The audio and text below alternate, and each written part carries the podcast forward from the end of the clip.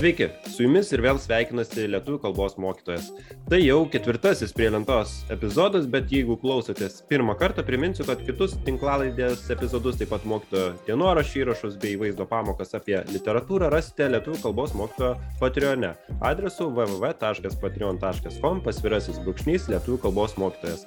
O jei norite paskaityti daugiau straipsnių apie darbą mokykloje, panaršyti po privalomą, neprivalomų knygų sąrašą ar gerų filmų rekomendacijas, apsilankykite puslapyje lietuvių kalbos mokytojas.lt.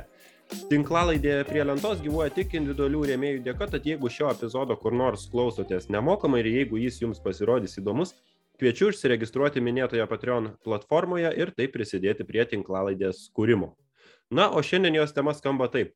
Gelbėkit, mano vaikas neskaito knygų. Toks pagalbos šauksmas šiandien mūsų visuomenėje skamba vis dažniau, tad pasidomėsiu, kodėl taip yra ir ką daryti, kad taip nebūtų. Šis epizodas, manau, bus aktualus daugeliu, nes aptarsime visas vaikų amžiaus grupės ir jų santyki su knygomis. Pradėsime kūdikiste, o baigsime paaugliste, bet to išgirsite vertingų knygų rekomendacijų ir patarimų tevams. Jais pasidalins ir apie minėtus dalykus papasakos Lietuvos nacionalinės bibliotekos vaikų literatūros specialistė, knygų vaikams autorė Eglė Baliutavičiūtė. Labas, Eglė. Labą. Prieš beveik dešimt metų mūsų keliai susitiko vienoje kontoroje, neturinčioje nieko bendro su literatūra ar pedagogika. Vis dėlto šiandien aš mokytojas, o tu vaikų literatūros žinovė, rašytoja. Kaip tavo gyvenimas pakrypo šią linkmę, kaip pasukai į vaikų literatūrą? Na sakyčiau kad labai kryptingai pakrypo ir tas susitikimas kontoroje nieko bendro neturinčio su literatūra ir humanitariniais mokslais galima sakyti. Na gal šiek tiek.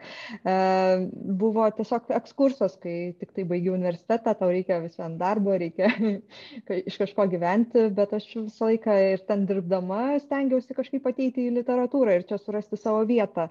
O vaikų literatūra tai buvo mano meilė nuo universiteto laikų O tu studijavai ką? Lietuvių filologiją, o vėliau literatūros magistrą. Aš taip pat lietuvių filologiją studijavau ir vieną pusmetį pasirinkau vaikų literatūros kursą, daug iš jo nesitikėdamas, tiesą sakant, tačiau jis man paliko neišdildomą įspūdį. Ir aš iki šiol prisimenu labai įdomias paskaitas, kurias mums skaitė profesorius Kestutis Urba, beneriškiausias vaikų literatūros tyrinėtojas Lietuvoje aš tada įsitikinau kad suaugusieji knygas vaikams gali skaityti tiesiog dėl savo malonumo ir kad parašyti tikrai gerą knygą vaikams yra ne ką lengviau nei parašyti gerą knygą suaugusiesiems ar sutiktum kad šiandien vaikų literatūra daugelio vis dar mažiau vertinama nei suaugusiųjų koks tavo požiūris į tai? E, Taip, vaikų literatūra iš tiesų vertinama šiek tiek mažiau, gal mažiau pastebima, E, suaugusių pasaulyje ir tai aišku gana natūralu, suaugę žmonės dažniau domisi jiems įdomiais dalykais, e, apie suaugusius kitus žmonės, bet kartu pastebiu, kaip tiek literatūros laukia nelabai stipriai dalyvaujantys žmonės, tiek profesionalai šio lauko atranda vaikų literatūrą, kai patys susilaukia vaikų ir pamato, kiek vaikų literatūra gali daug pasiūlyti taip pat ir suaugusiam žmogui, kad, tai, kad vaikų literatūra nėra tik na didaktinė taikomoji literatūra apie nežinau abėcėlės pamokymai kaip elgtis labai žemiškų problemų sprendimas bet kad vaikų literatūra ypač kuo vyresniam amžiui amžiaus vaikams jinai skirta jinai tuo daugiau pasiūlo ir filosofinių klausimų egzistencinių klausimų ir panašiai. Ir dar nieko labai daug negaliu pasakyti bet neseniai va iš bibliotekos parsinešiau vieną knygą kuri vadinasi The Joy of Reading Children's Literature as an Adult. Tai vad būtent visa knyga vien tam skirta klausimui, kodėl tai gali būti įdomu suaugusiems. Nežinau, ar aš joje asmeniškai kažką rasiu pati savo naujo, ko nežinočiau, bet visai įdomu pasižiūrėti, kaip dėliojami argumentai apie šį dalyką.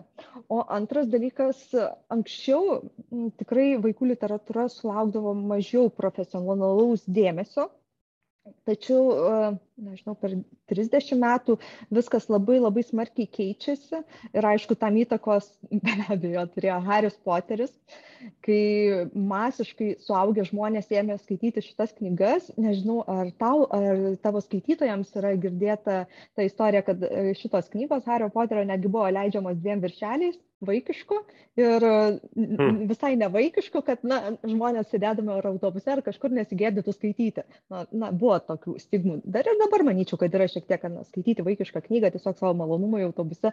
Na, tikrai kartais kreivai žmonės žiūri.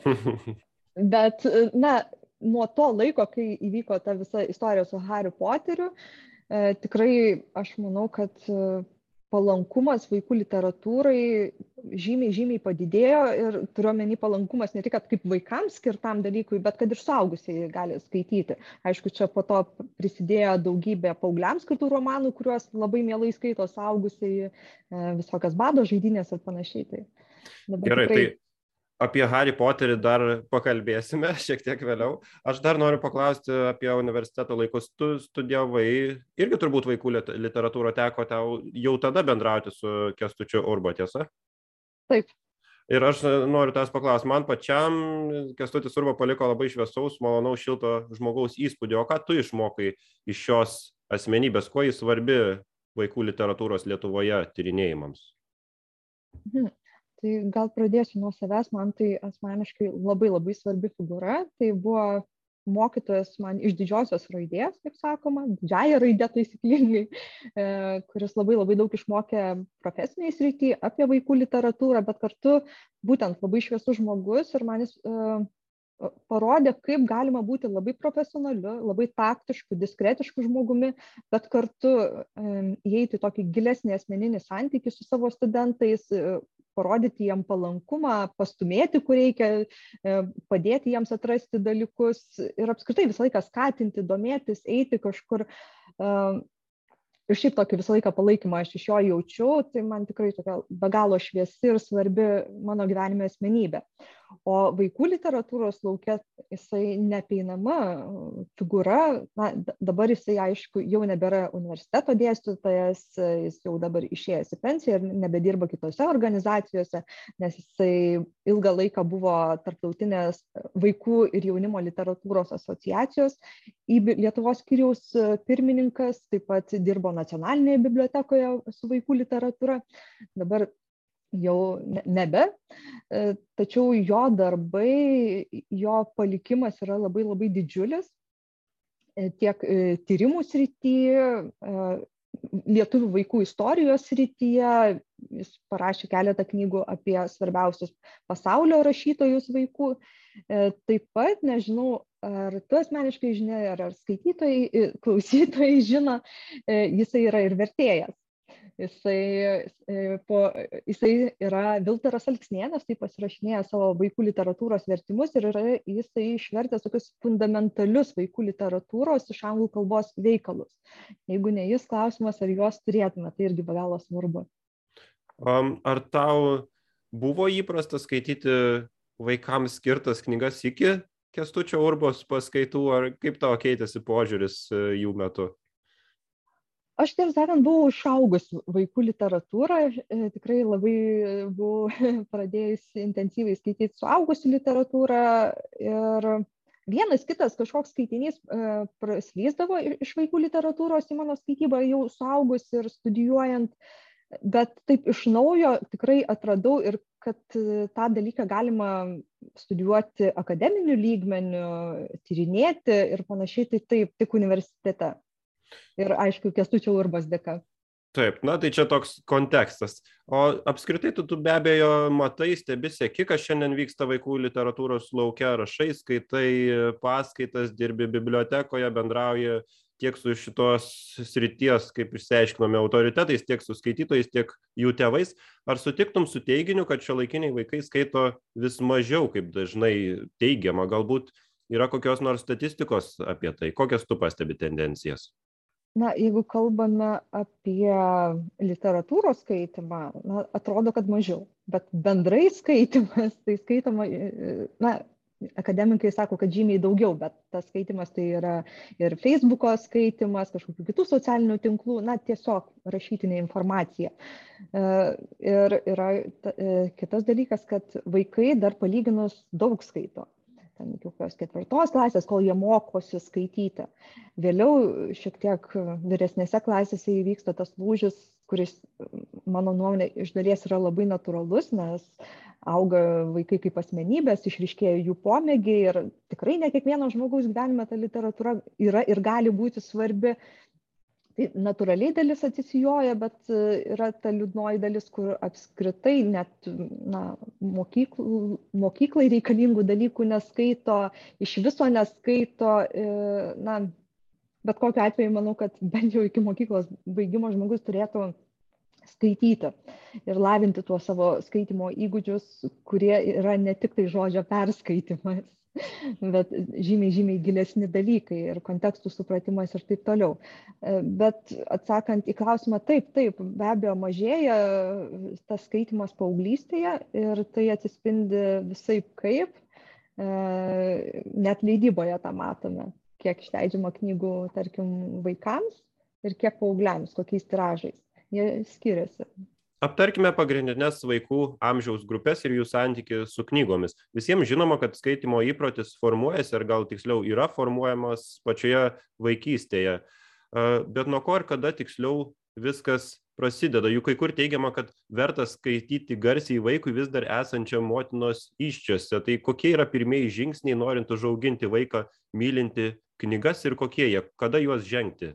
Apie skaitymą esant dar vaikui pilve, na, čia toks, man atrodo, šiek tiek ir kontroversiškas klausimas, iki galo nežinoma, kiek tiksliai tai veikia. Kažką, aišku, vaikas girdi, tengi kalbama ir apie klasikinės muzikos klausimas, įdėjimą ant pilvo kažkokių įrašų, ausinių, kad girdėtų vaikas. Be, be abejo, jis kažką girdi, bet kiek tai iš tikrųjų turi naudos, čia aš manau galėtų tik tai mokslininkai atsakyti, gal dar ne iki galo ir ištyrinėti šitie dalykai.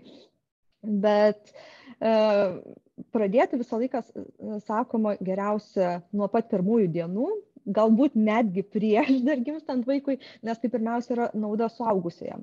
Jeigu ypač, jeigu jis neturi pats įpročio skaityti, na, tai jis pradeda ugdyti tą įprotį.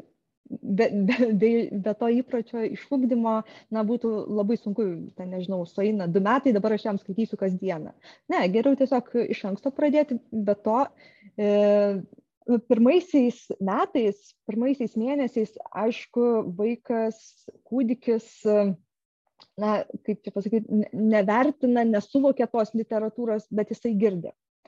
E, ir yra nustatyta, kad e, netgi paveikslėlių knygų, kuriuose ten trumpi sakiniai, nedaug žodžių, jų kalbos įvairovė yra žymiai didesnė negu tos būtinės šnekamosios kalbos, kuria kalbasi tėvai su savo vaikais o tuo metu vaiko smegenys fantastišku greičiu vystosi ten formuojasi jungtys e, kalbinės ir nors dar tas vaikas nekalba jis labai girdi daug jo kalba formuojasi dėl to labai svarbu skaityti nuo pirmų dienų ką skaityti, tai e, mes juokiamės, kad na, jeigu jums patinka, tai skalbimo mašinos instrukcijas skaitykit, nieko čia blogo. Visiems ta kalbinė bus įvairovė didesnė. Plus jeigu jūs esate puikus pasakotojas, pasakokit, na, nebūtina tiesioginę prasme skaityti, bet, na, ne visi mes esame labai dideli ekstravertai, ne visi turim daug gebėjimų pasakoti, tad kartais tiesiog lengviau skaityti. Kitas dalykas yra, kad reikia pačiam kūdikiui duoti fiziškai knygas. Aišku, tokias, kurios jam tinka, tai būna medžiaginės knygos, kurios yra saugios ar kartoninės, su kuriomis nelabai užsigausi, yra specialiai kūdikiams pritaikytų trispalvių knygų, tai juoda, bal, balta ir raudona, nes tai pirmosios spalvos, kurias pradeda skirti kūdikis ir jos tada didel, labai ryškių formų, didelių tokių na, kad įsižiūrėtų. Ir tai yra visa tai tam viena vertus, kad vystytųsi kalbos suvokimas, vystytųsi kalba vaiko, kitas, kad knyga kaip daiktas taptų vaiko kasdienybės dalimi, kad vaikas e, knygą suvoktų kaip e, laimę teikianti dalykai. Įsivaizduokit, jums skaito kasdieną mama arba tėtis ar kitas artimasis, jums gera, šiltai, iš pradžių tos istorijos tikrai nesuvokėt, bet vertinat, na tiesiog gerai jaučiatės būdami va toje aplinkoje. O po to pradedat vertinti ir istorijas, aišku, jau kai šiek tiek auga vaikai. E, ir pradeda daugiau suprasti. E, ir būtent tai yra skaitytojų ugdymas nuo pirmųjų dienų. E, viename savo interviu tu dalinaisi įdomią statistiką 2015 metais atliktas tyrimas rodo, kad net 65 procentai tėvų kūdikiams iki dviejų metų neskaitė. Tavo nuomonė, kaip minėta statistika, atrodytų šiandien į gerąją pusę krypsta ar į blogąją? Į gerąją. E, šitą aš ir pasižiūrėjau, nes yra pernai metais, 2001, e, atliktas naujas tyrimas būtent šiuo klausimu, nes Lietuvoje pradėjo, e, prasidėjo nauja akcija, kurią vykdo nacionalinė biblioteka ir tai knygų startas. Nežinau, ar ką nors teko girdėti. Tai reiškia, kad kūdikių susilaukusiam šeimoms dovanojama pirmoji knygelė kartu su metodine medžiaga tėvams apie skaitymą ir jo svarbą, kodėl reikia vat, būtent skaityti nuo pirmųjų dienų ir tai tęsti toliau. Ir būtent dėl šio projekto buvo atliktas tyrimas ir paaiškėjo, kasdieną skaito dabar netgi 53 maždaug procentai tėvų, o skaito ten 3, 4 ar vieną, du kartus per savaitę apie 40 procentų ir tik tai šiek tiek mažiau negu 10 procentų skaito arba neskaito, arba skaito kartą per mėnesį tik tai tokio amžiaus vaikams nuo 0 iki 3. Tai yra tikrai labai svarbus ir didelis poslinkis. Ar šis projektas apima Vilnių, didžiosius miestus ar visą Lietuvą? Visą Lietuvą ir galbūt pameni, kokiomis, kokias knygelės dovanoja vaikų tėvams.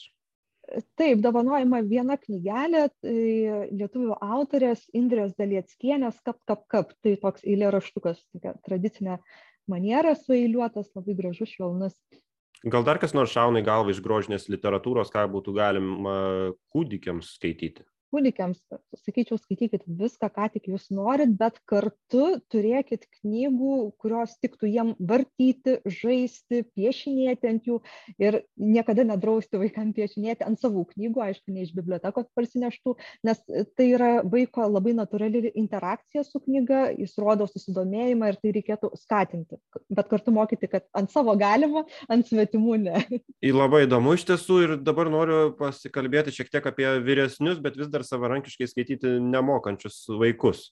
E, į ką tėvai pirmiausia turėtų atkreipti dėmesį, ugdydami vaikus iki daugmaž šešerių metų?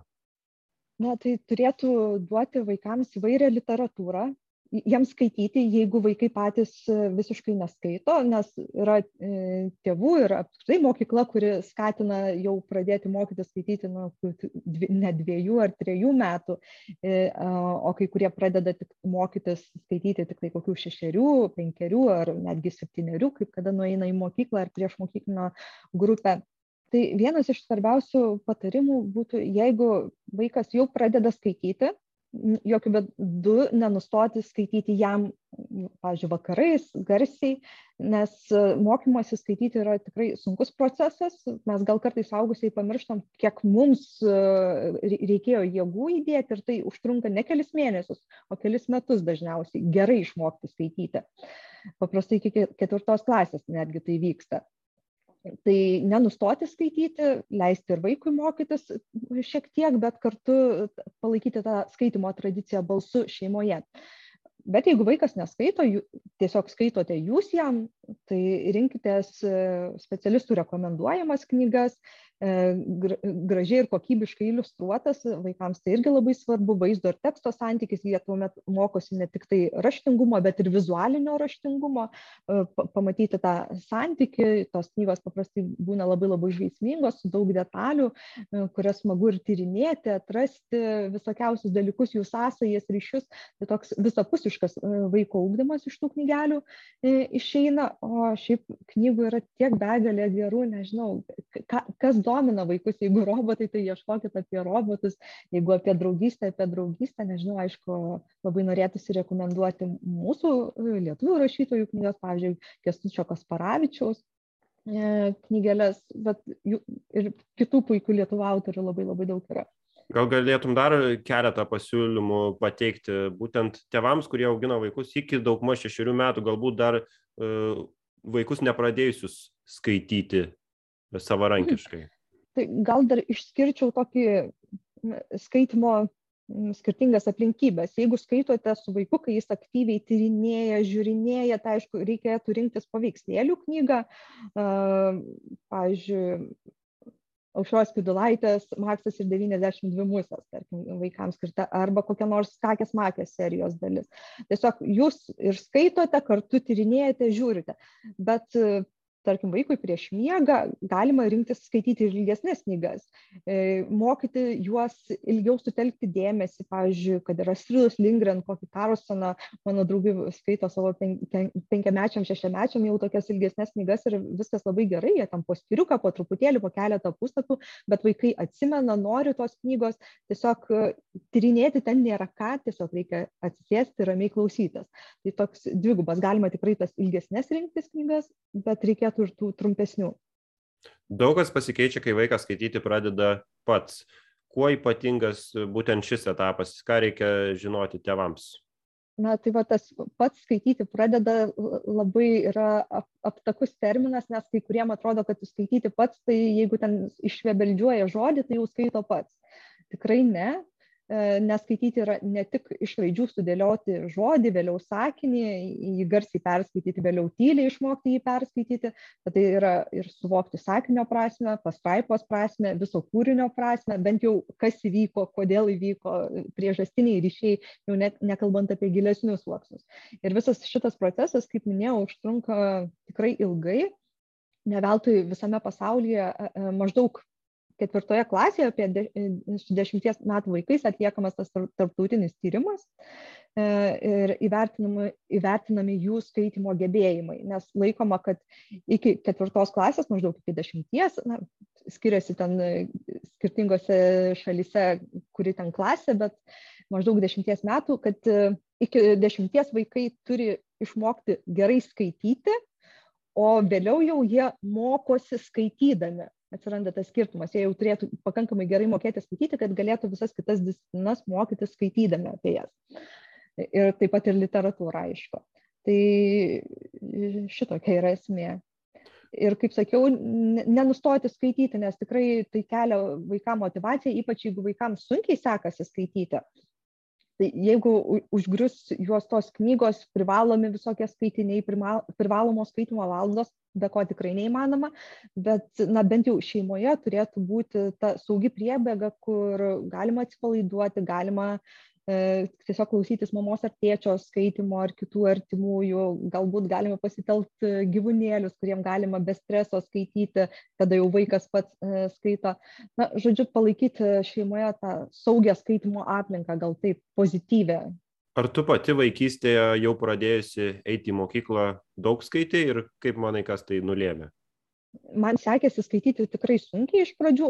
Aš jau nebeprisimenu, kaip visas tas procesas atrodė, aš tik žinau faktą, kad tai buvo sunkiai ir persilaužiau, vad būtent panašiai ketvirtoje klasėje ir tada iš tikrųjų atradau skaitimą ir daug, daug jau pradėjau, būtent ketvirta, penkta klasė buvo, kai jau pradėjau tiesiog tempti iš bibliotekos knygas ir skaityti viską kartais net iš eilės, bet rankos, nes mane taip sudomino tas pasaulis, fantastinis kažkoks. Mačiau, esi sudariusi savo mėgstamiausių vaikiškų knygų sąrašiuk, sąrašiuką. Jame Pepė Ilgakoinė, Robotas ir Peteliškės, Keligas, Bembis, Bembio vaikai, Lėsė grįžta.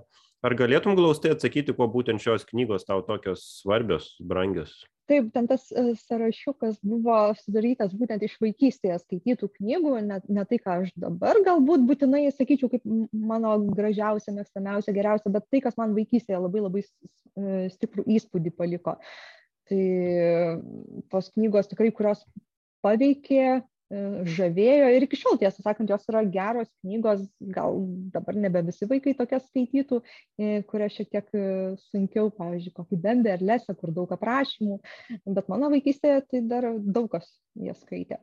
Kuo, tarkime, istorija apie Bembį tau pasirodė, galbūt pamenė tokia patraukli? E, na, man visą laiką patiko istorijos apie gyvūnus ir ypač realistinės istorijos. Man patiko, kaip autoriai sugeba na, įsivaizduoti kaip gali jausti, galvoti gyvūnas, kaip jisai elgesi ir koks jo galėtų būti požiūris į žmogų, e, kaip tai perteikia. Aišku, vieni įsijaučia ir kalba gyvūno balsu, kiti trečiuoju asmeniu. Tų, tų variacijų yra labai daug, kaip šneka, bet man patikdavo autorių vaizduoti, kaip jie apie gyvūnus kalba. Mhm. Ar gyvūnų balsu. O, pavyzdžiui, Pepė Ilgakoinė, kas ta, kuo tau patrauklus šis personažas pasirodė tuomet? o kas nenorėjo būti Pepė ilgakoinė? Būti vaiku, bet galėti viską, ką gali suaugusieji. Vaikų svajonė. Man, tai buvo tokia, jo, man tai buvo heroja, kai kurie labai mėgavosi ten istorijomis apie supermenus, Batmanus, man didžiausia heroja buvo Pepe. Aš pats prisimenu Stridos Lindgren kūrinius ir man jie tokį didžiulį įspūdį paliko, pavyzdžiui, Mažylis ir Kalsonas, kuris gyvena ant stogo, Kalio Bliunkvis, tos serijos knygas labai mėgau. Prisimenu irgi, va, kai jas skaičiau, iki ašarų beveik prajuokino mane dar vaiko tuomet epizodas, kuriame detektyvas Kalis Bliunkvistas slepiasi miškės, miške gerai pamenu ir yra priverstas iš bado valgyti uogas pusryčiams mėlynės, per pietus mėlynės, o vakare, kad būtų daugiau įvairovės, dar šiek tiek mėlynių. Buvo kažkoks panašus sakinys, pamenu, man labai įstrigo. Gal ir tu turi panašių epizodų iš minėtų knygų, e, kad ir iš tos pačios Pepės Ilgakonės ar kurios kitos, kurie tau paliko tokį įspūdį?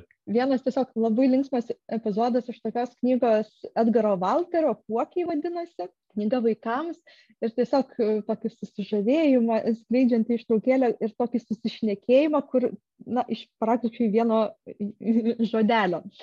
Oi, oi, šūktelio vienas. Iš tiesų, oi, oi, atsiliepia antras. Tikrų tikriausiai, oi, oi, sutiko trečias. O man atrodo, kad tai tiesiog oi, pareiškia ketvirtas. Tiesiog labai gražus susižaidimas, kai atrodo, na, va, užtenka oi, bet susišneka tie padarėliai puokiai tarpusavyje yra iš mm, e, Lucy Mott Montgomery, Anė iš Evanlio e, knyga ir citata apie poeziją, eilėraštį. Žiūrėkit, ar matote eilėraštį? Staiga parodė pirštu Anė. Kur? Džeinė ir Diena išplėtė akis, tarsi tikėdamosis išvysti eiliuotas senovinės runas ant beržo kamieno. Ten, upokšnyje, tas senas žalias samanotas rastas per kurį ramiom vilnelėm čiurlena vanduo ir atrodo, kad samanas kažkas šukuoja nematomom šukom. Ir tas vienintelis saulės spindulėlis statmenai smingantis į gelmę. Ak, tokio nuostabaus eilėraščio dar nesu mačiusi. Aš tai vadinčiau paveikslu, pasakė Džeinė, nes eilėraštis tai posmeliai ir rimuotas eilutės. Ak ne, mieloji, papurti Anė galvą, vis dar papuošta laukinių vyšnių vainiku. Posmeliai rimai yra tik eilėraščio apdarai. Lygiai kaip tavo raukiniai ir klostės džeine tikras eilėraštis tai jo siela paslėpta už tų apdarų. Ir tai į ką mes dabar žiūrime tikroji neprašyto eilėraščio siela. Ne kasdien gali pamatyti sielą netgi eilėraščio Labai gražiai. Tokia sentimentali, bet e, man Anė labai labai mielas kūrinys. tai Primink, kas autorius šios knygos? Lucy Montgomery. Čia Anė iš žaliastugių žinomas mhm. tesinys tos istorijos. Aš vis tiek, žinok, noriu apie Stridą Lindgren dar paklausti. labai mylimą rašytoją vaikystės. E, kaip tau atrodo, ar jos, ar, ar jos kūryba šiandien e, paveiki dar lygiai taip pat kaip mūsų vaikystėje? Ką tu pastebi? Viena, girdžiu, kad patys vaikai kartais nelabai nori skaityti jos kūrybą, tačiau kai perskaito, jiems patinka ir tą rodo anksčiau keletą metų iš eilės e, nacionalinė biblioteka kartu su IBI darydavo tokį skaitinių penketuką, ką vaikai labiausiai mėgsta. Ir viena ar kita Stridos Lindgren knyga visą laiką ir, ir prieš 20 metų, ir prieš 10, ir prieš 5 e, įrašydavo jos knygas į tą sąrašą. Tai rodo, kad atranda, bet bendraujant tiek su tėvais, tiek su mokytais, girdžiu, kad, na, iš pradžių šiek tiek ir būna kažkokios atmetimo reakcijos, tarsi nebe jų literatūra, tarsi dabar, na, yra rinka užtvindyta tomis labai juokingomis, labai lengvai perskaitomis knygomis su gausybė iliustracijų, o Estridos Lindgren knygos šiek tiek kitaip atrodo. Bet kartu jie, jeigu paskatinami, atranda. Ir tai labai geras procesas. Vaikų skaityboje tikrai turi didelį vaidmenį vaidinti suaugusieji. Ar pameni dar kokiu nors autorių iš tų, tų tuose populiariausių penketukų sąrašuose? Pastaraisiais metais visą laiką atsirasdavo viena ar kita Davido Valjamso knyga, būtent iš tų lengvų, juokingų su gausybė piešinėlių. Taip pat labai dažnai būdavo, kiek prisimenu, mažasis princas minimas, beje, tiek vaikų, tiek paauglių jisai labai intensyviai minimamas kūrinys ir dabar neprisimenu, gal viena kita naujesnė pasitaikydavo, nebūtinai iš klasikos knyga. Tavo mėgstamiausių vaikiškų knygų sąraše paminėtų ir Hario Poterio serija. visgi tas pats Kestutis Urba, pamenu, paskaitų metu mums yra sakęs, kad šių knygų išliekamoji vertė kelia šiek tiek abejonių. Ką tu apie tai manai, kuo Haris Poteris nusileidžia, pavyzdžiui, Astridos Lindgren, Otfrido, Otfrido Proislerio ar Tuvės Jansson kūriniams? Na, aš šiuo klausimu gal ne visai sutinku su, Kestučiu. E, kad šitos knygos išliks, e, čia abejonių net nėra, jos jau dabar yra pats žymiausias turbūt vaikų literatūros kūrinys pasaulyje, o ten kiek kalbų išversta ir kiek milijardų, atsiprašau, milijonų egzempliorių yra parduota. Tai čia dar viena istorija, tai tikrai šitos knygos išliks ir jas tikrai irgi labai skaito, va tuose pačiuose penketukuose, tik tai jau serijų dalyje, irgi Haris Poteris visą laiką ir šitos knygos tikrai yra šluojamos, nešamos iš bibliotekų, vaikai vis naujos kartos atranda, tėvai perduoda tas savo skaitimo patirtis, aišku, žiūri ir filmus, kartais net nebenori skaityti, nes pasižiūrėjo filmą, tai čia kita problema, bet kalbant apie literatūrinę vertę tų kūrinių, na, aš tikrai manau, kad jinai šiek tiek nusileidžia tiek Astridos Lindgren, tiek tavo minėto Proislerio, na, tai yra viena vertus kitokia literatūra ir aš pati, kai skaičiau vaikystėje ir skaičiau jau suaugusi tas knygas, aš supratau, kiek aš daug dalykų tiesiog užpildžiau savo vaizduotę e, tose knygose, ko ten nėra parašytos. Jos parašytos taip gana lengvai, nesudėtingai, tu tiesiog slysti per tos puslapius ir tavo, aišku, tai pliusas, tavo vaizduotė labai smarkiai veikia, tu įjungi, sukuri dalykus, bet ten, na, apie kažkokius gilesnius dalykus, ten nenueinama į juos, dažniausiai praplaukiama paviršė, kur galėtų kažkaip labiau išvysti tos temos būti e, prasmingesnės, gilesnės, bet kartu gal tai net nemanau, kad tai yra labai blogai, tai yra toks literatūros tipas, kuris paremtas nuotikiu, tai yra nuotikinė vis dėlto literatūra, ne vadinamoji rimtoji ar psichologinė ar kitokia. Tu sakai, kad Haris Poteris palieka mažiau vietos vaizduotės skaityto, vaizduotėjai skaitytojo? Ne, aš manau, kad uh, Haris Poteris palieka daug tokių tarpelių, kuriuos, jeigu nori, pats skaitytojas užpildo, nes tiesiog nėra giliau juos nueinama, nėra mm. tiesiog. Supratau. Psichologiniai įvairūs dalykai, jeigu yra ar vaikas, ar suaugęs jau skaitantis, e, kažką žino apie tos dalykus, gali e, sujungti tam tikrus dalykus ir tam pagalvoti, kaip tam, pavyzdžiui, jaučiasi vaikas, kuris tam savo staiga tėvus pamato veidrodyje. Na, vienas iš tų epizodų. Bet ten, ten toks labai trumpas ir negilus epizodas, bet iš to galima daug didesnį ir jausmą išsinešti ir viską, bet vėlgi tai priklauso nuo skaitytojo. Rašytojo į tai nesileidžia. Tu paminėjai, kad uh, Um, Hario Poterio knygų serija šiandien užgožia kasmet rodomi dabar jau filmai prieš kalėdas per tą kalėdinį laikotarpį. Um, ar yra kūrinių, kurie šiandien galėtų tapti alternatyva panašaus amžiaus skaitytojams, jeigu Harry Potterį mažiau žiūri ir daugiau žiūri, e, mažiau skaito ir daugiau žiūri filmus, galbūt yra kitų tokių įtraukiančių iš tiesų knygų, kurias tu galėtum paminėti? Kažkas panašaus į Harry Potterį, bent jau savo populiarumu, patrauklumu? Tema gal visai kita, bet e, vaikai labai mėgsta, dabar autoriaus, atsiprašau, Flanaganas.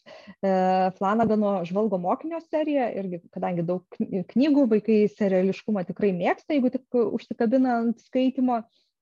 Ir ten irgi labai stipriai nuotikinės knygos, senais laikais vykstančios, bet labai šio laikiškai parašytos, e, be galo mėgaujasi, ypač berniukai. O ką rekomenduotum dešimties ir šiek tiek vyresnio amžiaus vaikų tėvams, kuriuo atžaloms knygos jau nėra svetimybė, kurie galbūt siekia, na, tarkim, subtilesnės, ten gilesnės literatūros? Kokie konkretus kūriniai tau dabar šauna į galvą?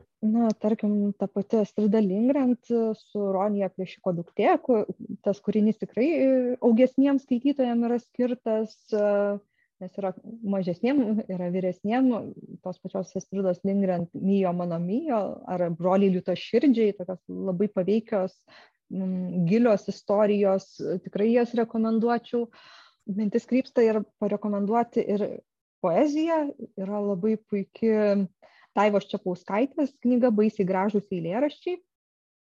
Tikrai tokia ne, nei, neįprastos manieros eilėraščiai ir, ir su ironija, ir su humoru, dėl to jie e, tinkami jau, na, šiek tiek vyresniems vaikams, paaugsiems. Jeigu jau vyresni, bent nuo šeštos, septintos klasės, labai rekomenduočiau atrasti siuntėjo seriją. Aišku, čia priklauso nuo vaiko brandos.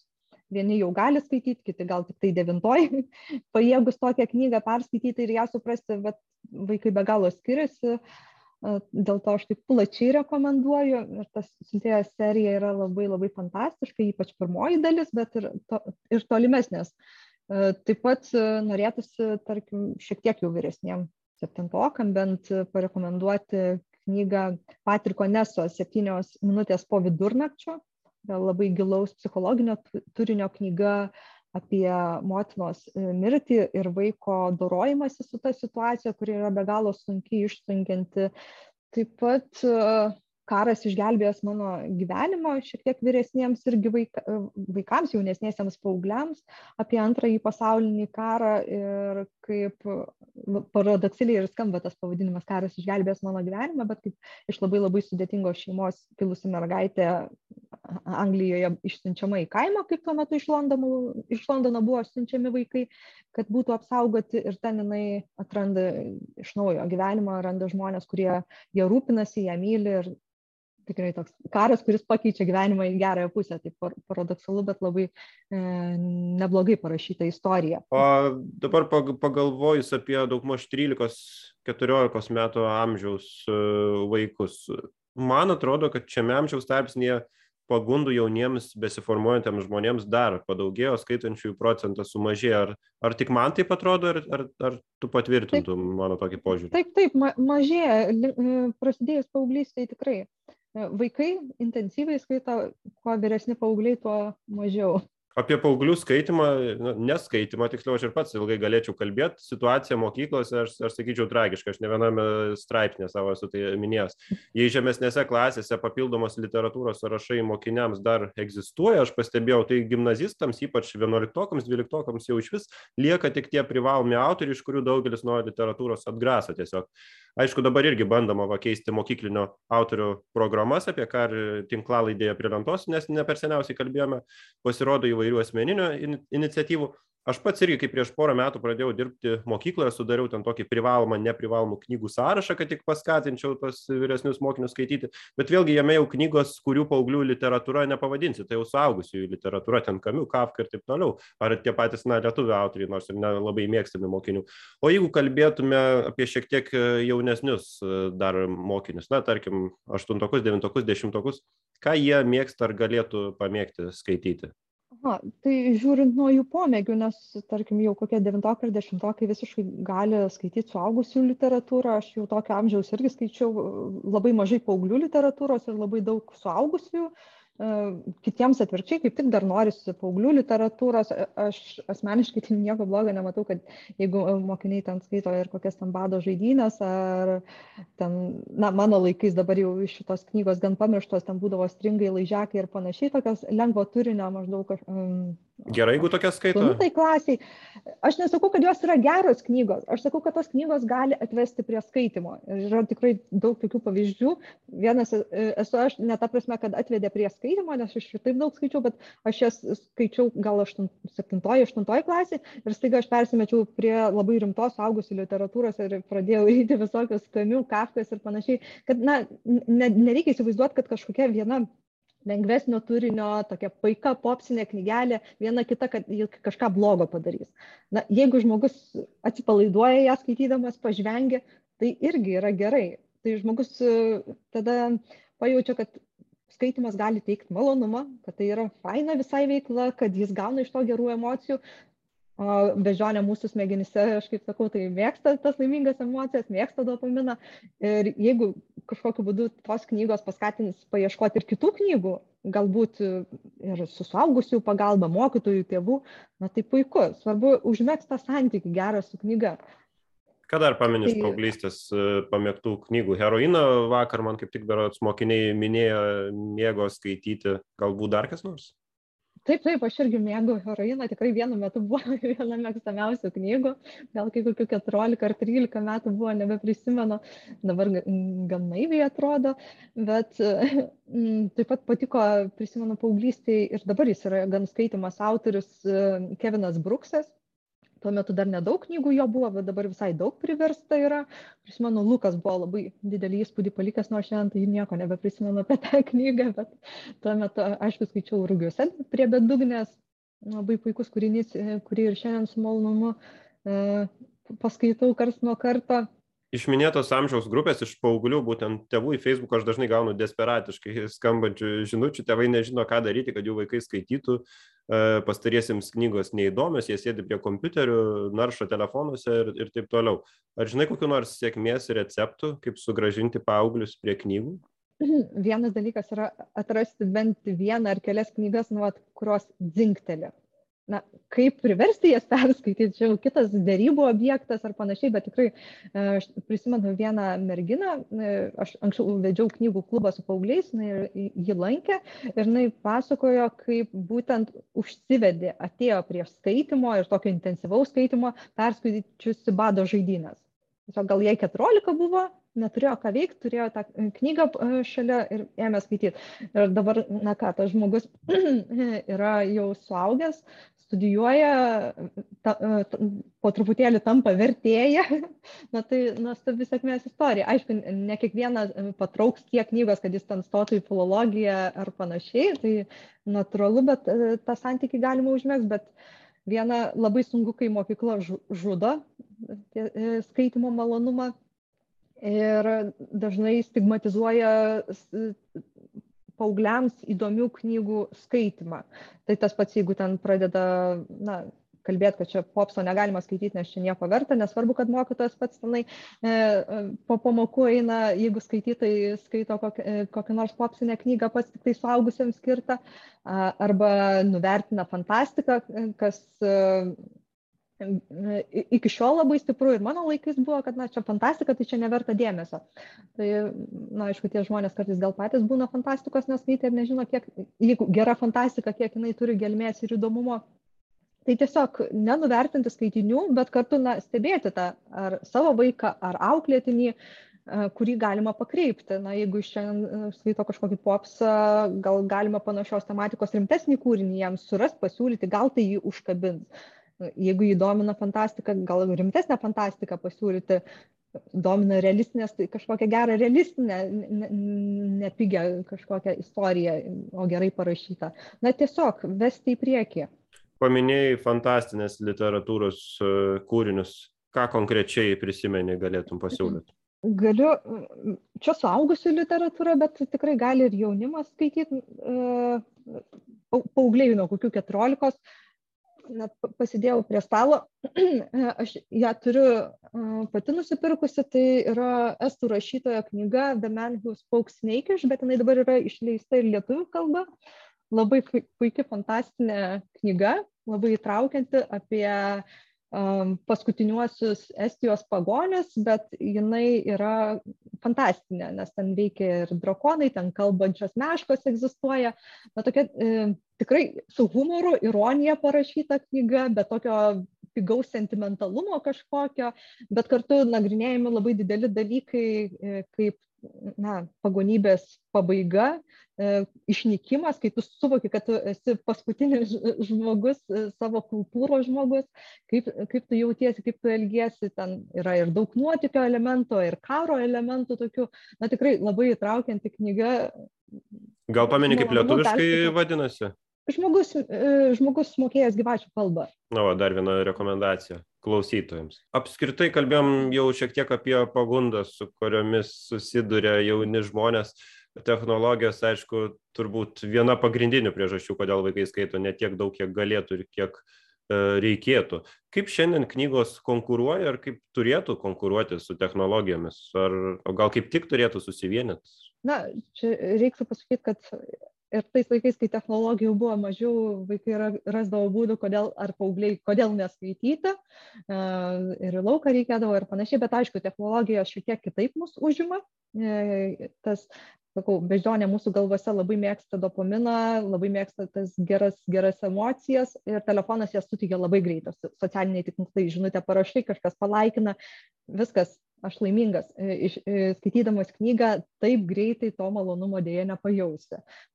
Reikia daugiau laiko investuoti, Bet, na, čia reikia susitarti ir su, su savimi. Aišku, gal vaikus galima labiau priversti, tokiais gerais būdais priversti, bet vis dėlto priversti skaityti su paaugliais jau sunkiau, bet su jais galima e, daug rimtesniais argumentais šnekėtis, kodėl skaityti verta, kokią tai naudą jiem teikia, plačiaja prasme, ne tik tai, kad kažkokią knygą perskaitys ir kažką žinos apie tai.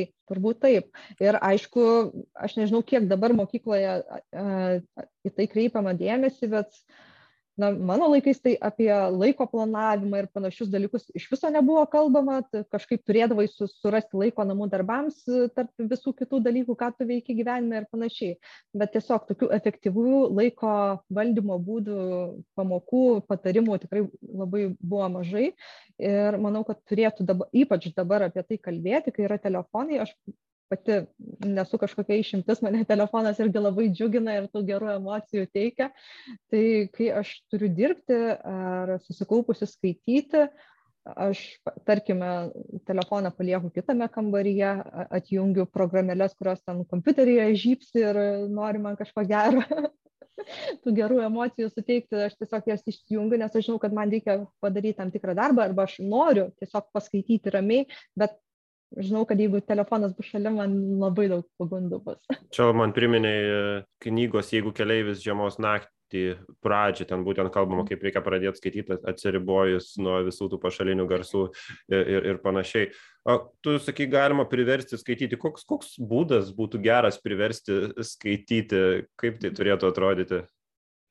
E, geras būdas tai tas, kuris veikia, bet jokių būdų ne e, eik skaityti. Jeigu perskaitysi knygą, tai nežinau, 10 eurų gausi. Na tai vaikas greičiausiai skaitys ne dėl knygos ir ten ją gal perves, no, e, na, bet dėl tų pinigų, tarkim.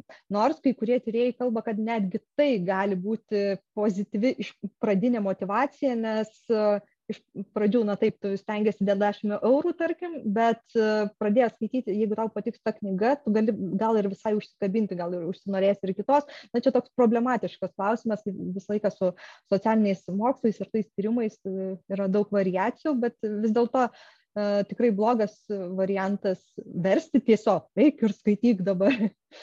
Turi kalbėti su vaiku, vaikai nėra kvaili, galima su jais susitarti, suaugęs turi turėti autoritetą, ar tai yra mokytojas, o ypač jeigu tai yra tėvas, tai yra išugdomas dalykas, nuo mažų dienų ugdomas dalykas. Tai, na, tokie būdai ir kiti kūrybingi, o kodėl nepaskaičius kartu su vaiku, neaptarus. Labai dažnai vaikai juk nori ir mėgsta šnekėtis, dalinti savo emocijom, savo patirtimis.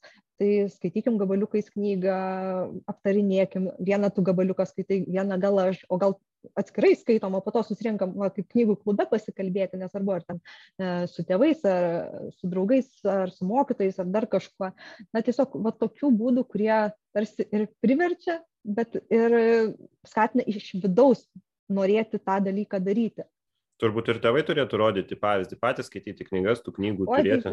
Čia, čia, čia, čia yra uh, pats, pats svarbiausias dalykas, nes tai jeigu tu pats neskaitai, tai ko tu nori iš vaiko. Čia, uh, žinai, kaip saugusiai kartais vaikelį nerūkyk, bet aš einu už kampo rūkysiu, nes man galima nu tai kiek toks argumentas veikia? Neveikia. Mm. nu tu be abejo kad tu turi pats rodyti.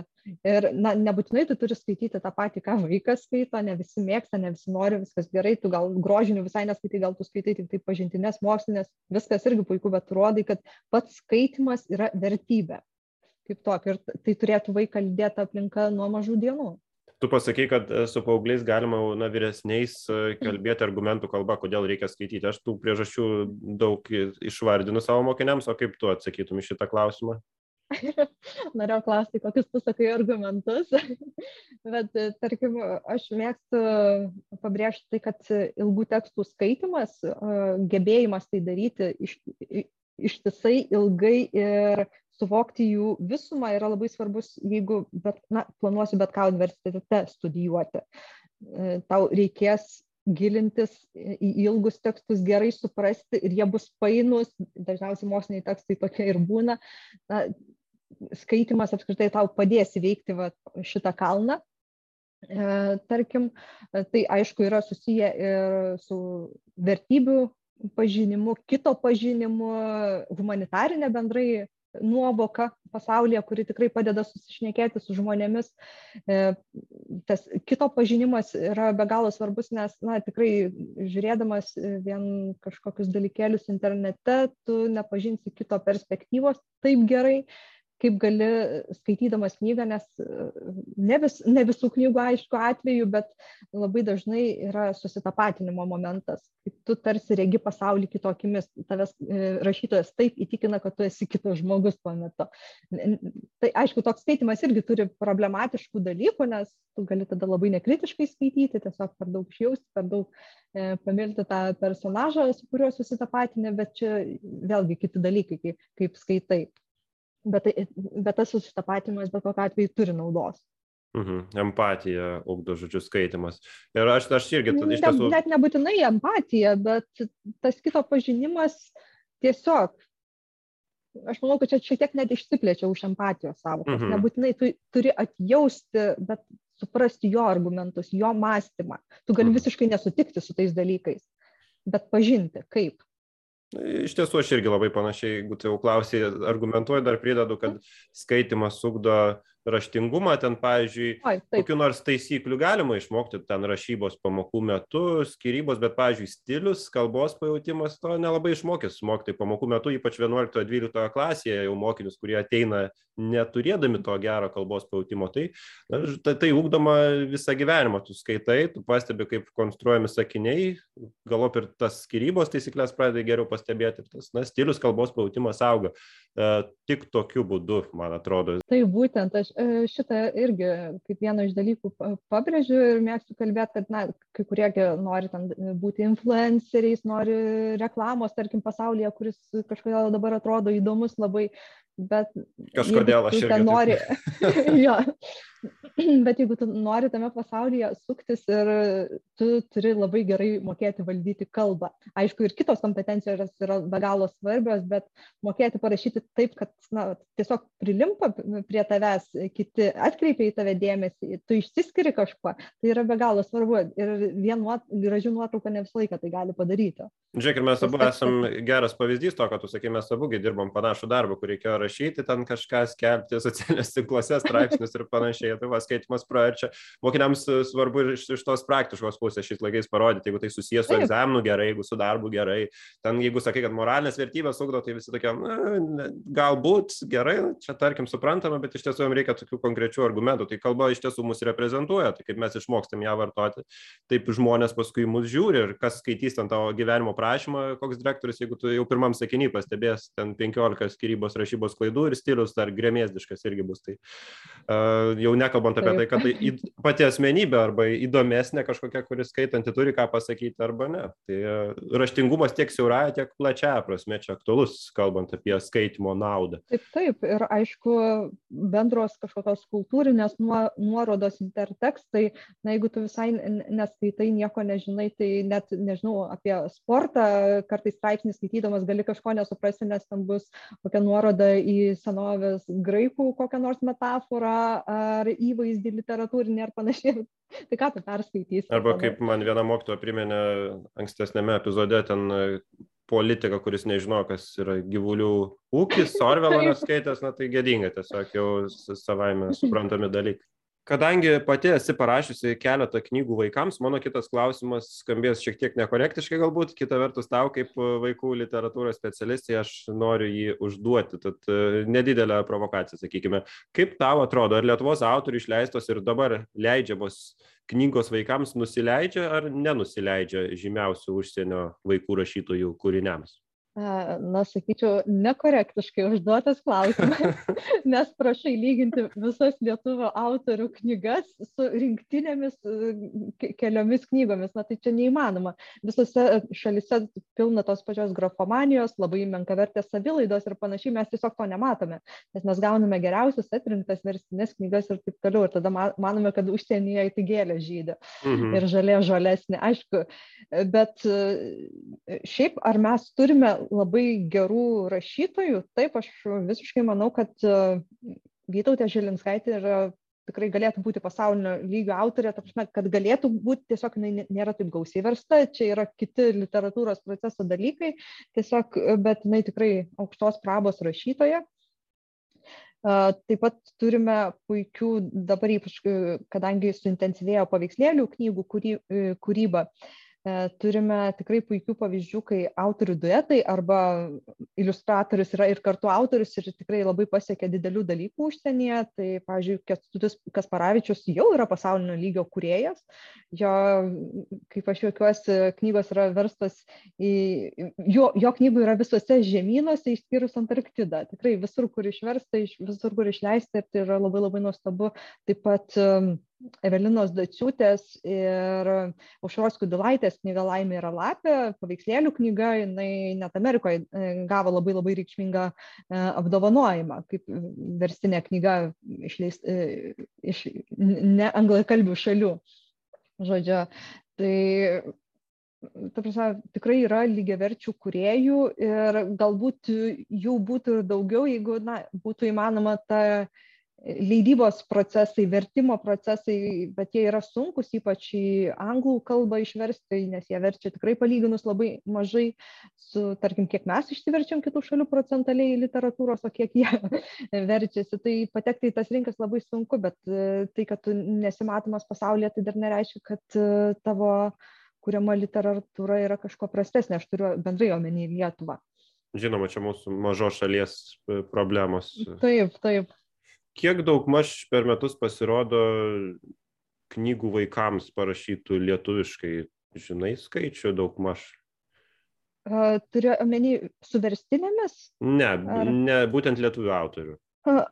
Šimtas su trupučiu, jeigu neskaičiuojame m, pakartotinių leidimų, naujų, originalių, grožinių knygų, apie šimtą su trupučiu. Ir kiek iš to, Ten... šim, kiek iš to šimto galėtum pasakyti, yra būna na, tikrai vertingos, tokios, kurias verta iš tiesų pirkti ir skaityti. Čia toks iš oro šiek tiek klausimas, bet vis tiek pastebi, matai. Ne, aš, aš esu apie tą klausimą galvojus, bet visą laiką yra tas dvigubas atsakymas. Viena vertus išeina tokių tikrai pakankamai gerų knygų, kurias galima rekomenduoti vaikams, tikrai širdies neskaudėtų ar panašiai, bet nebūtinai tai reiškia, kad jos pasižymė kažkokiu labai dideliu inovatyvumu, naujumu, temų nagrinėjimu kažkokiu.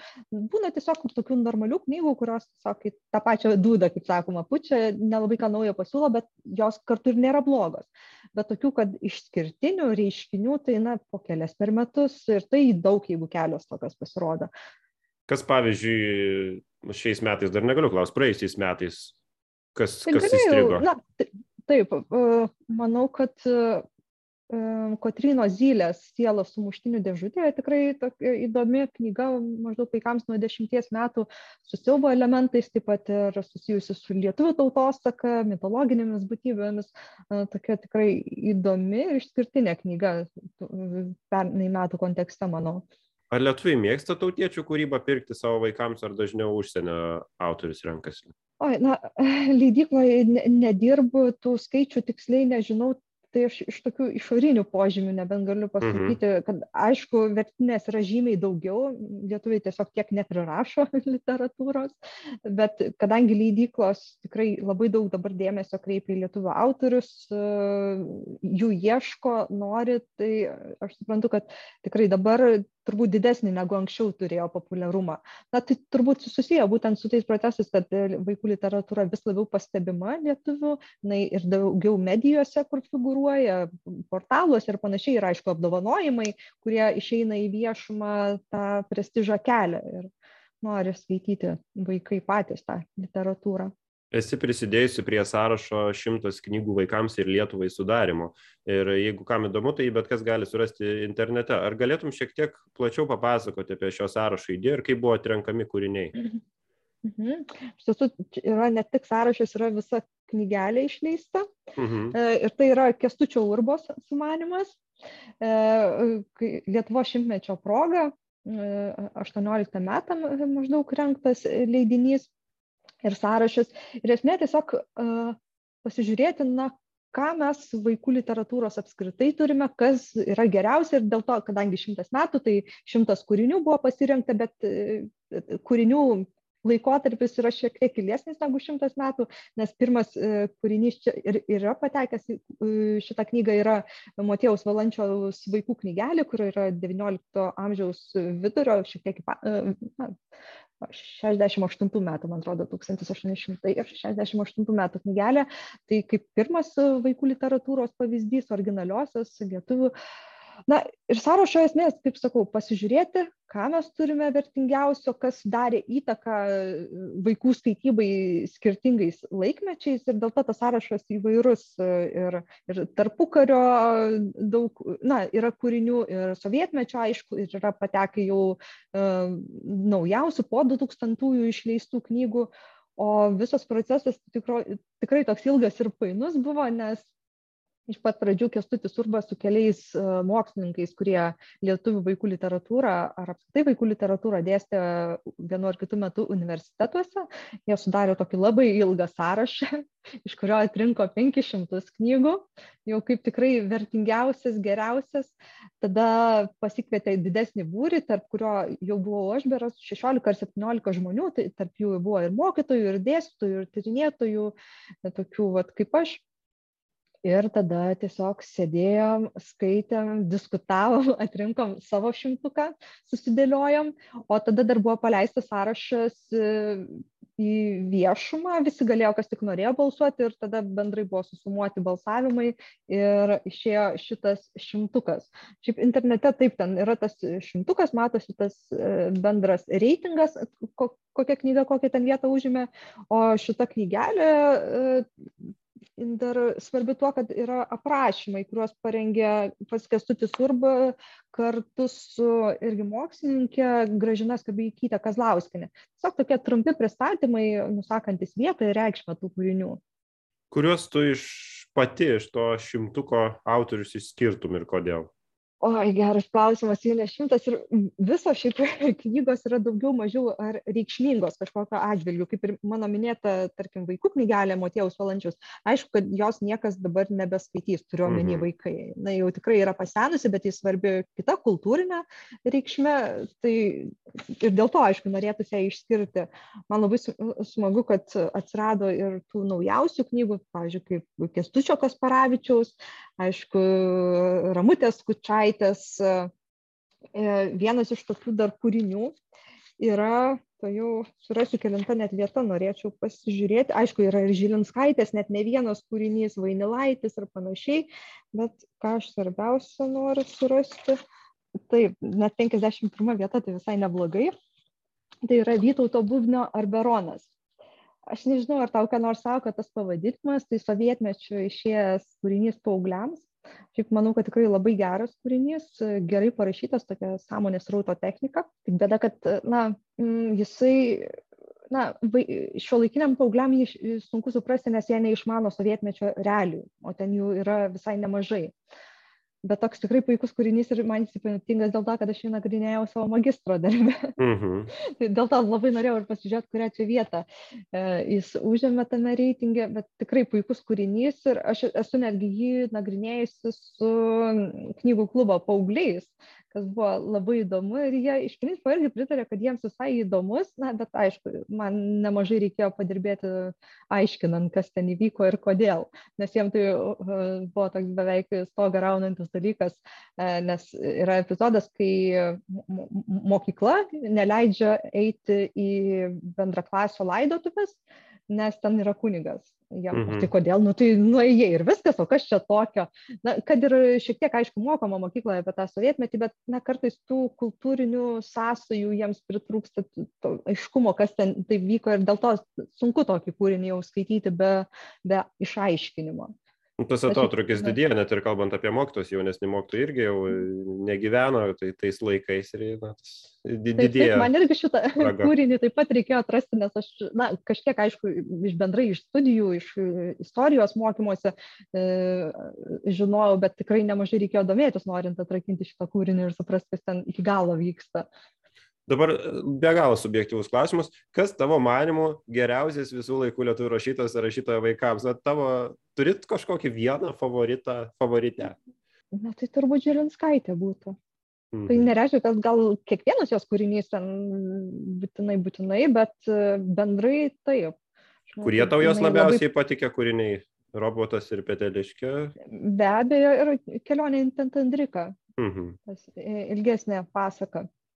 Tai romanas pasaka, galima sakyti, nes ant kelių šimtų puslapių jau. Ir tu minėjai, kad yra aišku iš to šimtuko kūrinių, kurie šiandien jau nesudomins e, vaikų, visai suprantama, bet kurie iš anksčiau populiarių tekstų e, šiandien dar būtų jau nebe tokie aktualūs. Nekalbu ten apie pačius seniausius, bet galbūt prieš dešimtmetį ar du dar buvo labai mėgstami, o šiandien jau nelabai galbūt suprantami ir kokios priežastys to galėtų būti. Mhm. Na tai i- tame pačiame šimtuke yra, tarkim, Zurbos šimtadienis, kur buvo, kuris buvo labai labai populiarus sovietmečių paaugliams kūrinys, bet jis, na, mano požiūris, nėra super geras kūrinys. E, m, Bugnio ar Beronas man pasirodė žymiai geresnis, e, bet yra ir tai, kad ten irgi labai daug e, tų realijų, kurios sunkiai dabar įkandamos, tas pats pasakytina ir apie Sluckio gerus namus, E, irgi sovietmečio iš viso pradžios kūrinys, pasitikrinsiu, kas yra Kubilinsko sąraše.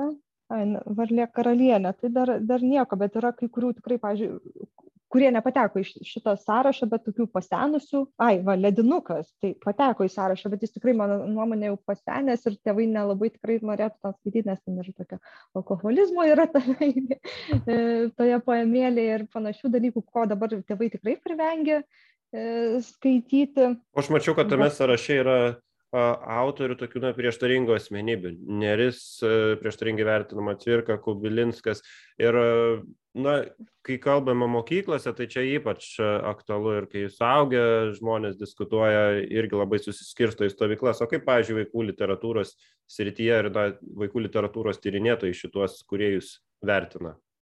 Ar atsiriboja visiškai sėkmingai nuo jų biografijos, ar ir- irgi yra, kad pasitaiko, kad suskyla į stovyklas?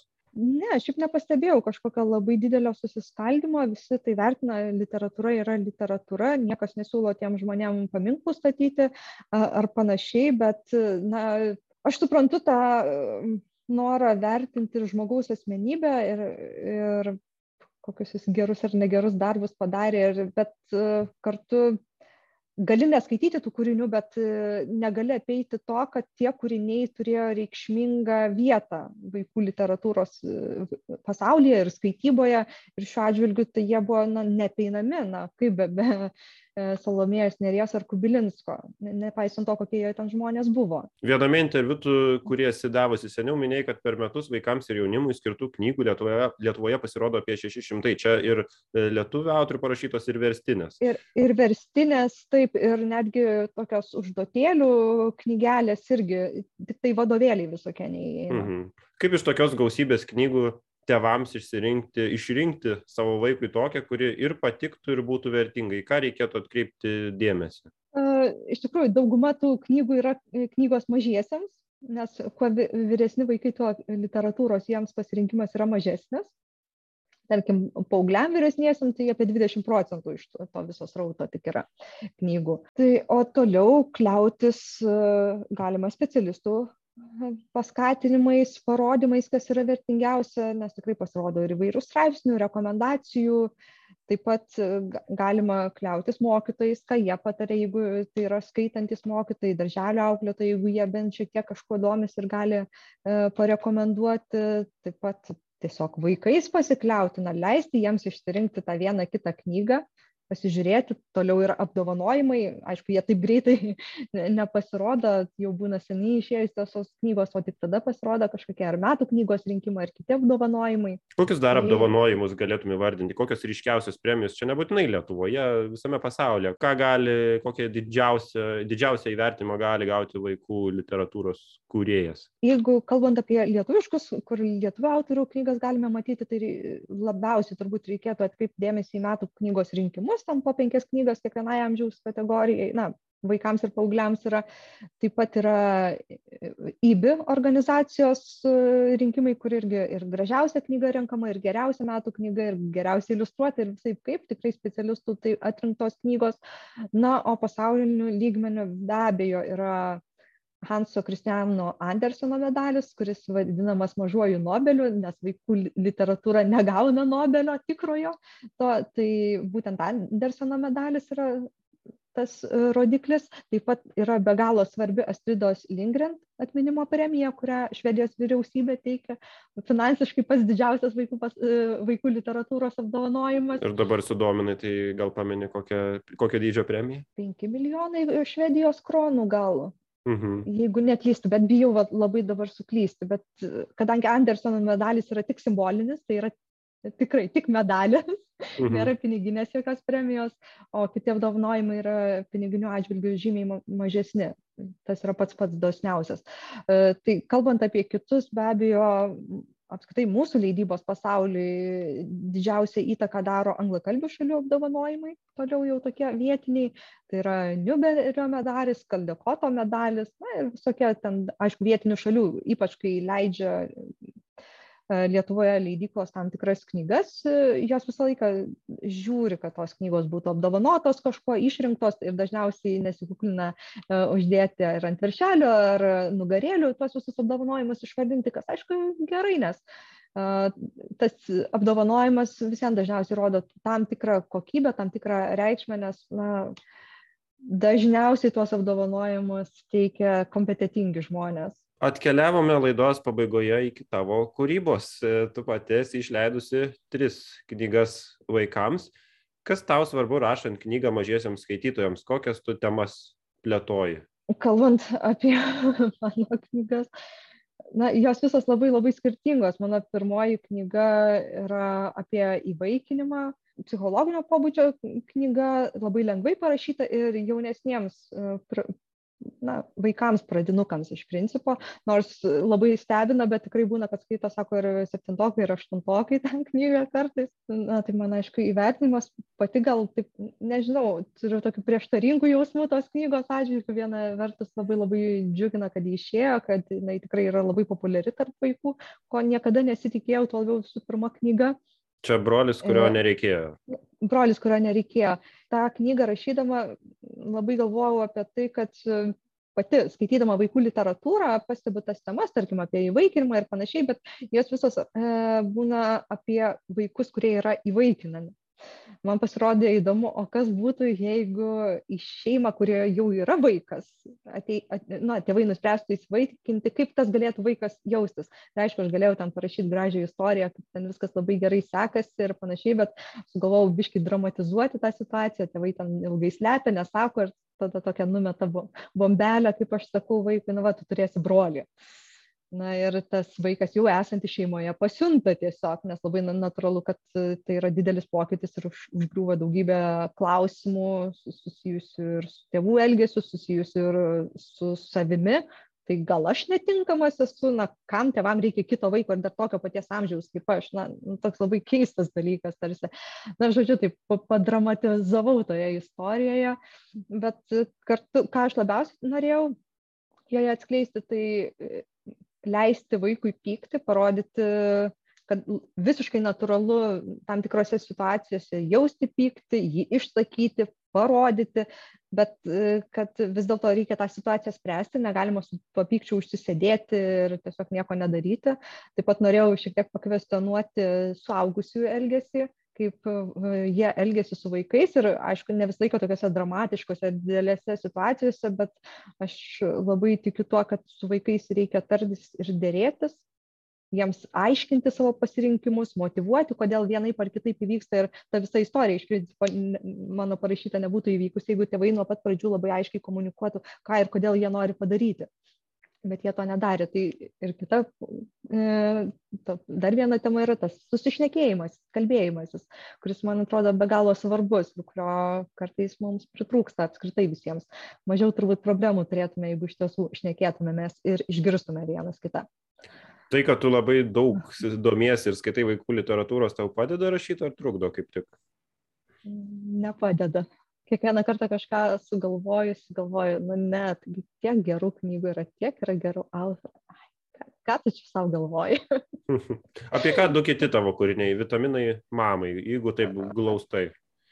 Vitaminai mamai, tai čia yra tokio projekto metu gimęs knygiukas, tai tokia iš A4 formato išlanks, popieriaus lapo išlankstoma knygelė, tai tiesiog apie vaiko ir mamos meilę vienas kitam, kaip jie rodo vienas kitam dėmesį ir panašiai, tai labai labai paprastutė, ten tik šimtas žodžių. O kita knyga Keistuoliai, tai yra trumpų istorijų, apsakymų, galima sakyti, gal kartais ir novelių E, rinkinys ten varijuoja e, ir tai yra apie žmonės, kurie galbūt kai kam atrodytų, kad elgesi keistai, bet man buvo įdomu pasižiūrėti, kokios jų yra vidinės motivacijos, kodėl jie vienokie ar kitokie, ar jie dėl, tokie, nes nori tokie būti, ar turi kažkokių vidinių traumų, ar dar kažko.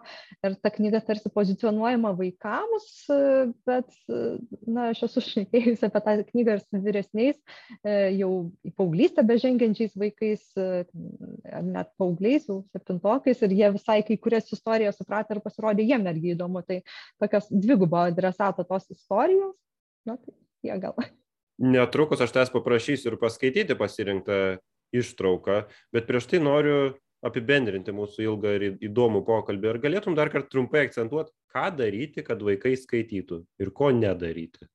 Tai visų pirma, skaitykit patys, rodykit gerą pavyzdį. E, skaitykit nuo pat vaikystės ir rodykit, kad knygos yra malonus dalykas, įdomus dalykas, kad juose galima labai daug ką atrasti ir kad jos, e, svarbu pasitelkti argumentus, tai gali būti ir labai praktiški argumentai e, apie kalbą, apie ateities perspektyvas, kaip tai svarbu, bet tikrai akcentuoti ir malonumo aspektą, antra, kurti saugią ir malonę skaitimo aplinką, ne, neužkrauti vaiko per dideliais iššūkiais knyginiais, žiūrėti, ką jisai mėgsta, ir po truputėlį jį tempti, tarkim, į vertingesnės, geresnės literatūros pusę, jokių būdų nenumenkinti kažkokiais žodžiais ar veiksmais jo pasirinkimų, net jeigu jis skaito tą popsą, nelabai gerai parašytą literatūrą, e, bet e, čia kaip ir mes suaugusieji, turbūt mums, jeigu sakytų, tavo plaukai negražus, kaip tu čia dažaisi, kaip tu čia rengiesi, kaip mes žiūrėtume į tokį žmogų. Na tai natūrali būtų priešiška reakcija, bet jeigu sakytume, na žiūrėk, jeigu tu taip ir taip dar padarytum, kažkaip tai geriau išeitų gal pabandom taip, na tada įmanoma tokia kalba e, žymiai geresnį rezultatą gauti. Tas pats yra ir su skaitimu. A tau patiko šita knyga? O žinai, aš turiu labai gerą knygą, kuri man irgi patinka, nori kartu paskaityti. Na, čia pavyzdys. Tai, tai va, dar vienas dalykas yra skaitimas kartu. E, ir nebijoti skaityti net ir su paaugliais. Man vienas gražiausių dalykų yra, kai tėvai net ir paaugliams skaito, tarkim, balsu, jie kartu skaito, aptarinėja knygas. Aišku, tai tikrai neturi būti toks kasdienis dalykas kaip su mažais vaikais, bet retkarčiais praturtinti savo bendravimą knygų skaitimų bendru, kodėlgi ne, labai gražu. Tai tikrai stiprina ryšį, čia irgi svarbu pabrėžti. Ir aišku, bent jau man tai vienas dalykas, kurio gal neakcentavau niekur anksčiau, bet neversti vaiko skaityti kažkaip susikauštis, prisėdus prie stalo, būtinai rimtai prisilenkus skaityti, skaityti kaip patinka.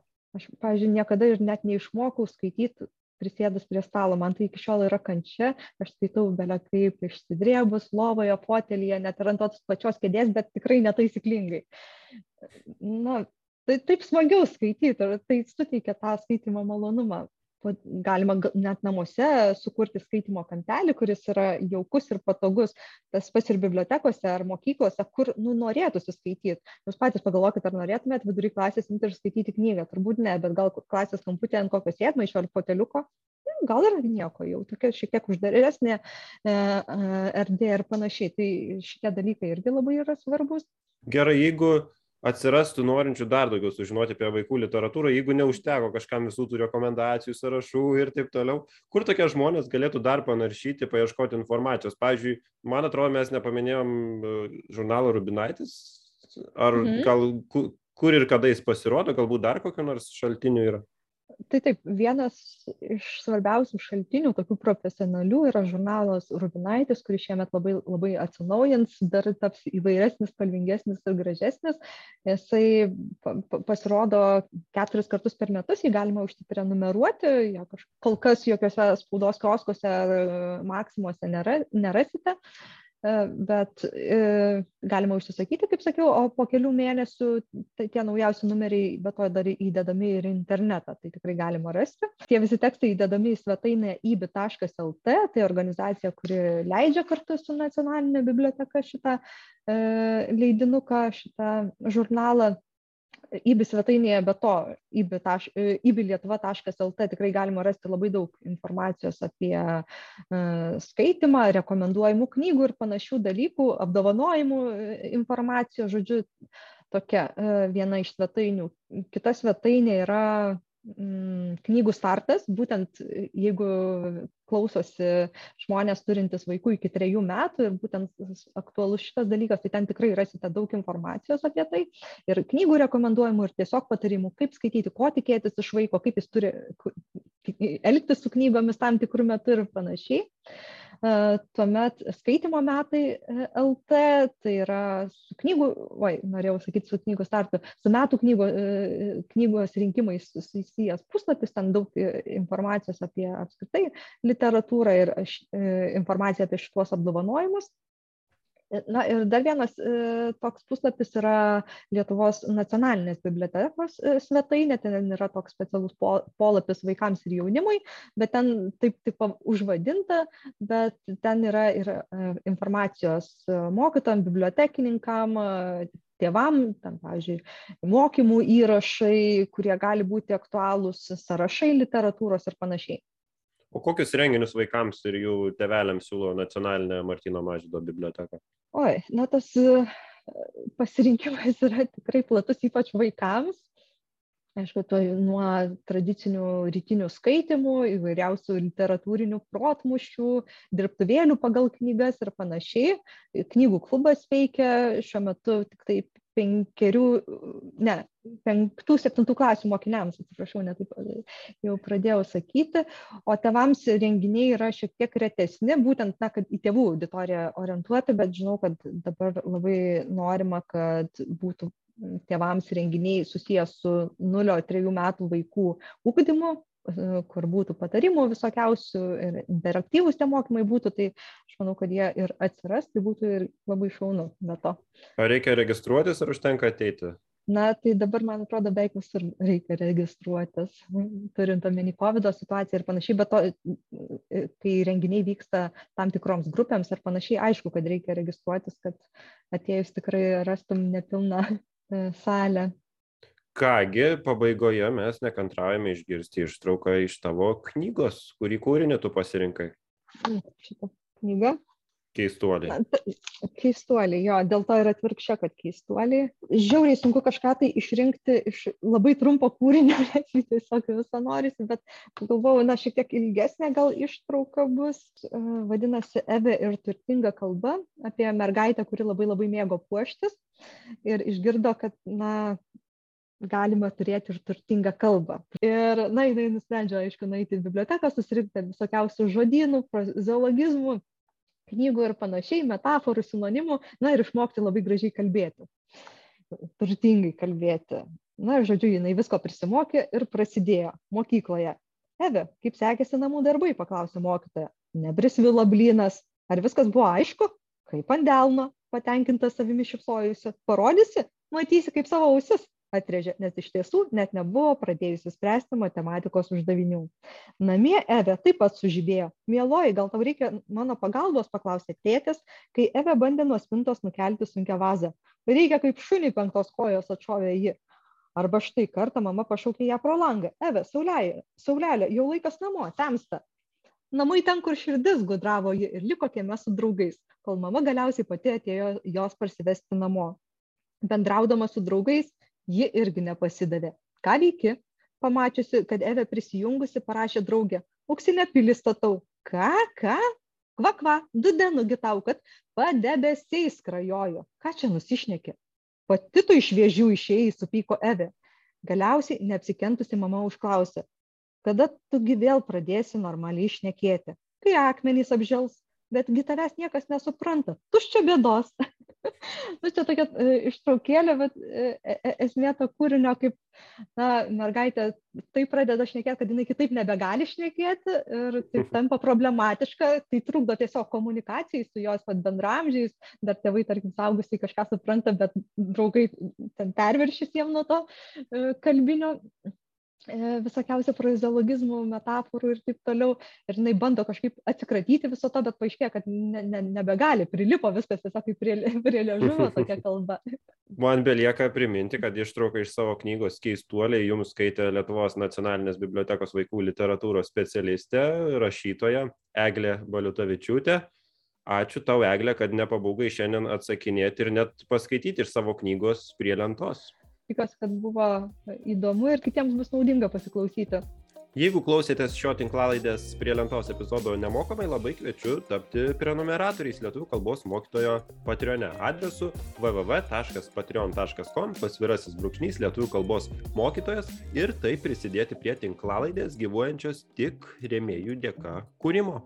Užsiregistravę galėsite ne tik klausytis buvusių ir būsimų epizodų, bet ir skaityti nesutrumpintus mokytojo dienoraščio įrašus bei žiūrėti vaizdo pamokas apie žymiausius užsienio ir lietuvių autorius bei jų kūrybą. Patreon platformoje talpinamas turinys pritaikytas visiems ir tiems, kurie dar mokosi mokykloje, ir tiems, kurie ją jau baigė, tad tikrai rasite ką nors įdomaus savo. Už šį tinklalaidės epizodą dėkoju visiems dabartiniams prenumeratoriams, o ypatingą padėką siunčiu Aušrai Mudienai, tai pasirinkusiai planą Šatrijos raganą, taip pat Simonui Gustainiui ir Marijai Čiapkau pasirinkusiems planą Vaižgantas. Be abejo, dėkoju ir didiesiems rėmėjams audio knygų platformai audioteka.lt, kurioje rasite lietuviškai įgarsintų audio knygų. Dėkoju draugams, papildomo ugdymo mokymo platformai mokosi.lt ir dar kartą sakau ačiū visiems, kurie klausėsi. Iki kitų kartų.